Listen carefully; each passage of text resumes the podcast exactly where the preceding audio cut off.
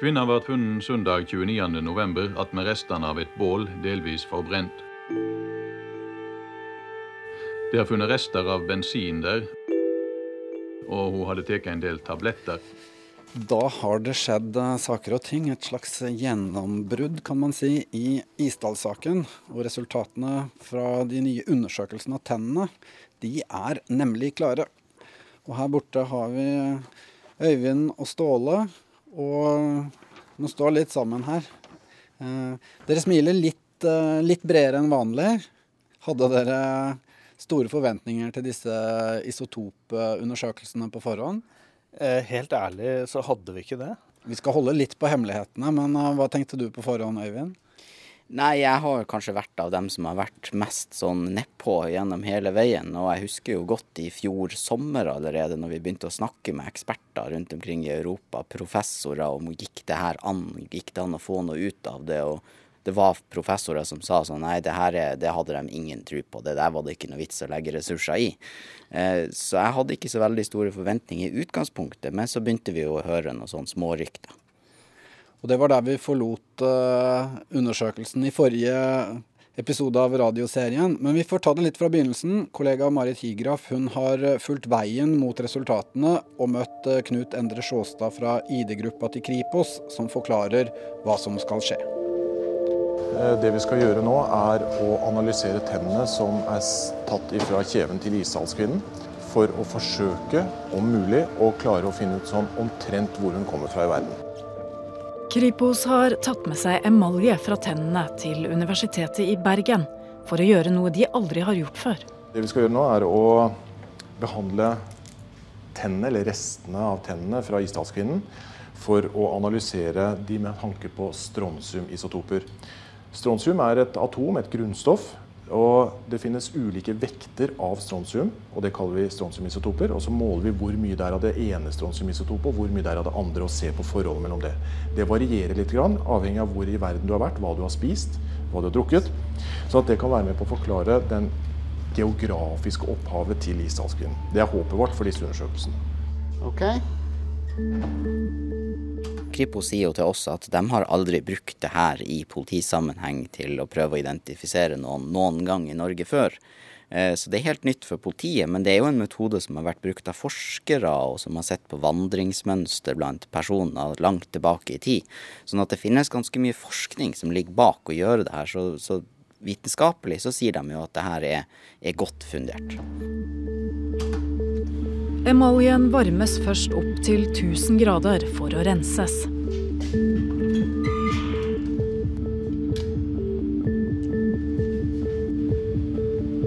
Universitetet har fagekspertise på isotopanalyser.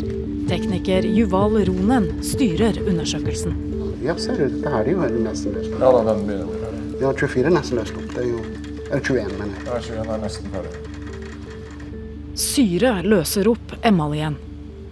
Vi har lagt de svidde tennene opp i syret. syre. Men eh, det tar litt tid, så derfor så må det riste og stå litt.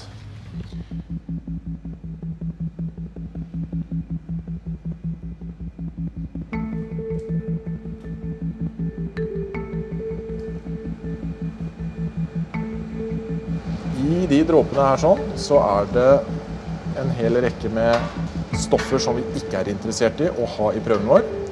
Og i det hvite materialet som vi ser ligger her sånn, det vi kaller resin, der blir strontiumen liggende igjen. Så nå kommer det avgjørende øyeblikket hvor du skyller ut strontiumen fra resinet. Ja. Nå skal du se. Blir det sus i serken.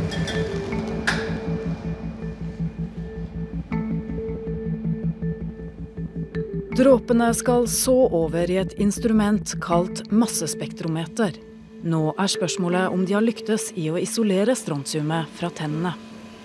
Det som er bra resultat, at vi ser at det er strontium, og det er bare strontium som er representert ved sine fire massene. 88, 87, 86, 84. Så dette her er eh, sånn rent teknisk sett i hvert fall vellykka.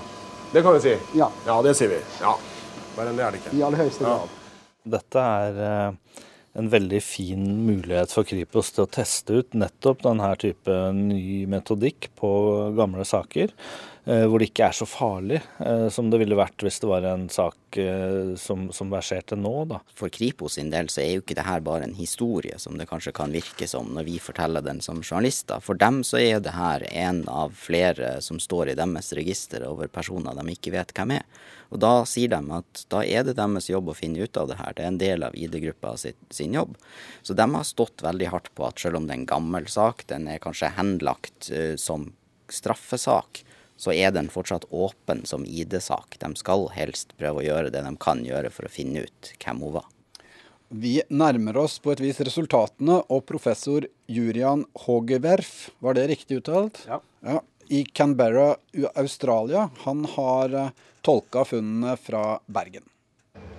De gjør den samme analysen for oksygenisotoper, som kan fortelle mer om drikkevannet der isdalskvinnen kom fra. Alle resultatene sendes til Australia, til en av de fremste ekspertene på isotopfeltet. Nå har han tolket resultatene og er klar for å skype med Kripos. There we are. Great. Hi. How are you? I'm good, thank yeah. you. How are you? We are now interested to hear about your findings uh, on the isotope ratios for the Eastal woman. Yeah, so thank you for sending me um, uh, the results on the teeth. Um, the one teeth would represent an age of completion about early childhood. Han har sett på isotopsammensetningen fra én tann som er laget i tidlig barndom, og to fra tenårene. Og resultatene er oppsiktsvekkende.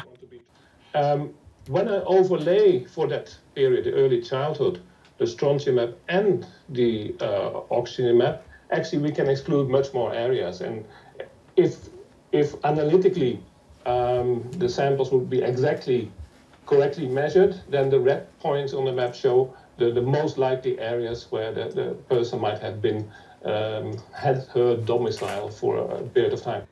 Det er altså mest sannsynlig at kvinnen tilbrakte sine første år sørøst i Tyskland. Mm. The same we can do for the teenage years, and if we overlay the two maps, actually where they intersect, you actually see a, a movement of the person. Now, if we look in Central Europe, it seems to indicate that there might have been a movement, say, from Eastern Germany to Western Germany to even Holland, Belgium area. Det vi ser er jo eh, et kart som sier noe om hvor det er mest sannsynlig at hun, eh, som vi nå kjenner som Isdalskvinnen, kan ha bodd når hun var barn. De analyserte tre tenner, og den ene tanna den mener de at hun fikk sånn når hun var kanskje rundt fire år. Man kan jo aldri vite, det varierer litt fra person til person. Og så har de analysert to tenner til, og da har vi fått et kart til. Eh, og de to tennene til, de er fra tenårene, altså det er rundt 14 år. Og Det kartet er ganske annerledes. og derfor, Der ser man at på det første kartet så er det noen tydelige prikker litt nord for München i et område i Tyskland øst, men ikke til gamle Øst-Tyskland. Og så ser man på det neste kartet når hun er blitt tenåring, og da er det ikke de prikkene der lenger. Der er det ikke rødt lenger, men nå er det mye sterkere rødt, f.eks. på grensa mellom Tyskland og Frankrike. Og så ser vi at det er eh, rødt borti Wales der, men det er kanskje ikke så aktuelt av andre grunner?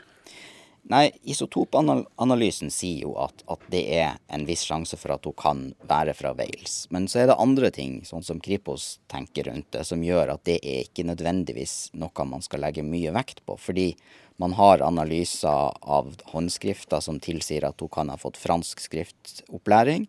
Og man har informasjon om eh, tannbehandlinga fra en tannlege som har utdannelsen sin fra Storbritannia, som sier at sånn typen gullkroner, det gjorde man ikke i Storbritannia. Og man har eh, opplysninger om at hun snakka dårlig engelsk, som tilsier at det kanskje ikke stemmer så godt. Man skal ikke utelukke det, så politiet tenker jo alltid sånn, vi skal ha mange ting åpent. Men det er noen ting som er mye mer interessant enn akkurat det. Ja, er det litt farlig å låse seg også når man får sånn informasjon? Ja, det, det, er det alltid. Eh, og det er som Øyvind sier, det, det, handler om Det er en skala eh, over sannsynlighet her. Og noen land er mer sannsynlige enn andre. Men, eh, men, man kan ikke utelukke Storbritannia. Man kan ikke helt utelukke Spania heller. Men, men kartet som vi har nå, det, det viser at veldig store deler av Europa kan utelukkes, hvor sannsynligheten er null for at hun, hun har vokst opp. Og det hjelper oss veldig. Vi kan jo høre hva Per Angel og Knut Endre Sjåstad fra ID-gruppa til Kripos uh, syntes da de fikk uh, disse funnene presentert. It's more, much more specific than what I ever dreamt about. I'm to be totally honest, I was um, also a bit surprised by that. Thank you very, very much so far, and uh, I hope we can contact you with some questions later. Yeah, you're most welcome to do that. Thank you. Okay, have a nice evening. Bye bye. Goodbye. Nei, dette er eh, langt, langt bedre enn jeg noensinne hadde håpa på. Altså, dette er eh, Dette var spesielt, ja. Jeg hadde innbilt meg at kartet var romsligere, for å si det enkelt. langt mer romslig. Han mente at dette er det området hvor hun levde da hun var et barn. Altså, ja. Og han mener også at hun har flytta på seg. Nei, jeg sto der og skulle prøve å ta stillbilder av det her, og samtidig høre på at de snakka på engelsk om litt sånn avansert isotopeanalyse, så det var sånn oi, her var det jo ganske tydelige flekker. Så her var det noen uh, flekker som bare var noen små områder av noen land igjen. Og vi, før det her, så hadde vi på en måte en stor flekk over hele Europa. Det her er virkelig, virkelig spennende for saken.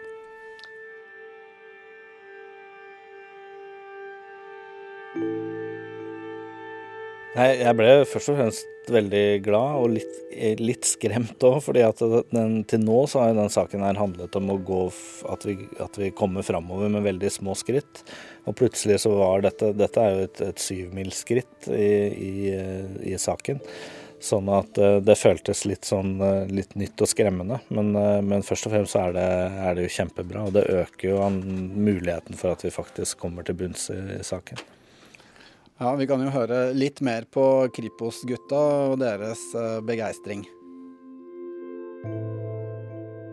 For å si det sånn, ut ifra hva vi hadde Ja, nei, ja, Dette her er helt, det er, helt, helt utrolig. Også. Så, så jeg vil påstå at, eh, at vi har et veldig godt grunnlag for å hevde at, eh, at det er mest sannsynlig da Tyskland. Men selvfølgelig noe muligheter opp mot Frankrike. Og skriftnormen eh, peker jo i den retningen. da. Ja. Så jeg føler at vi egentlig ikke er langt unna. Vi mangler noen pårørende, rett og slett.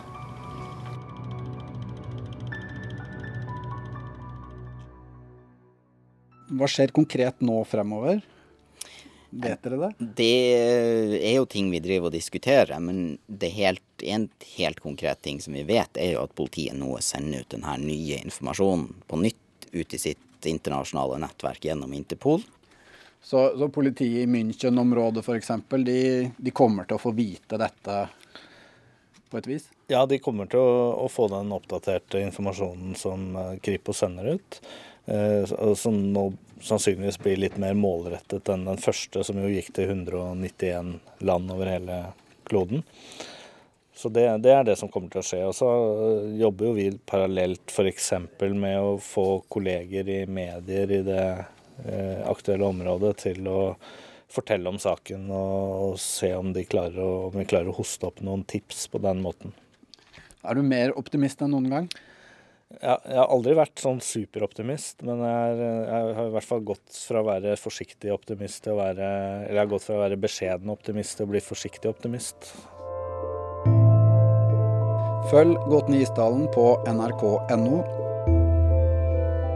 Dere møtte Ståle Hansen og Øyvind Bye Skille. Ny podkastepisode om en uke. Jeg heter Kjetil Saugestad.